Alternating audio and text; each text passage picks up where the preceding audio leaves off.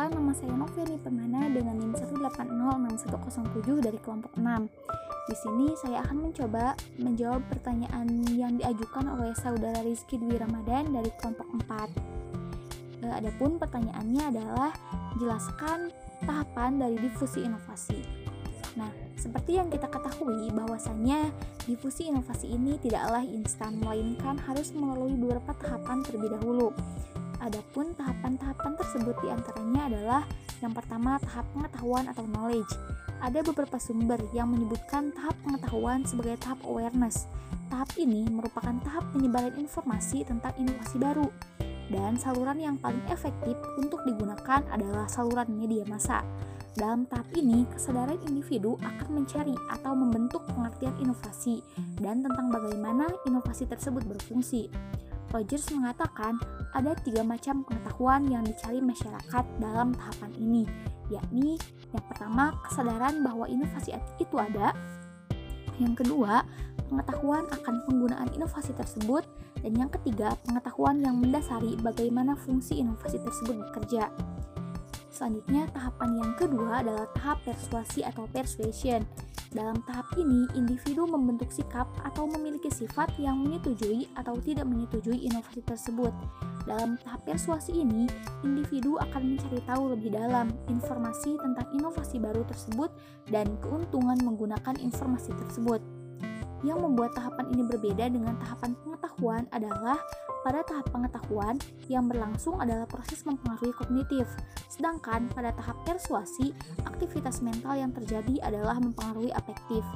Pada tahap ini, calon adopter akan lebih terlibat secara psikologis dengan inovasi, kepribadian, dan norma-norma sosial yang dimiliki oleh calon adopter ini akan menentukan bagaimana ia mencari inovasi. Bentuk pesan yang bagaimana yang akan ia terima dan yang tidak, dan bagaimana cara ia menafsirkan makna pesan yang ia terima berkenaan dengan informasi tersebut. Sehingga pada tahapan ini, seorang calon adopter akan membentuk persepsi umumnya tentang inovasi tersebut. Beberapa ciri-ciri inovasi yang biasanya dicari pada tahapan ini adalah karakteristik inovasi yang relatif advantage, compatibility, complexity, reliability, dan observability. Selanjutnya, tahapan yang ketiga adalah tahap pengambilan keputusan atau decision.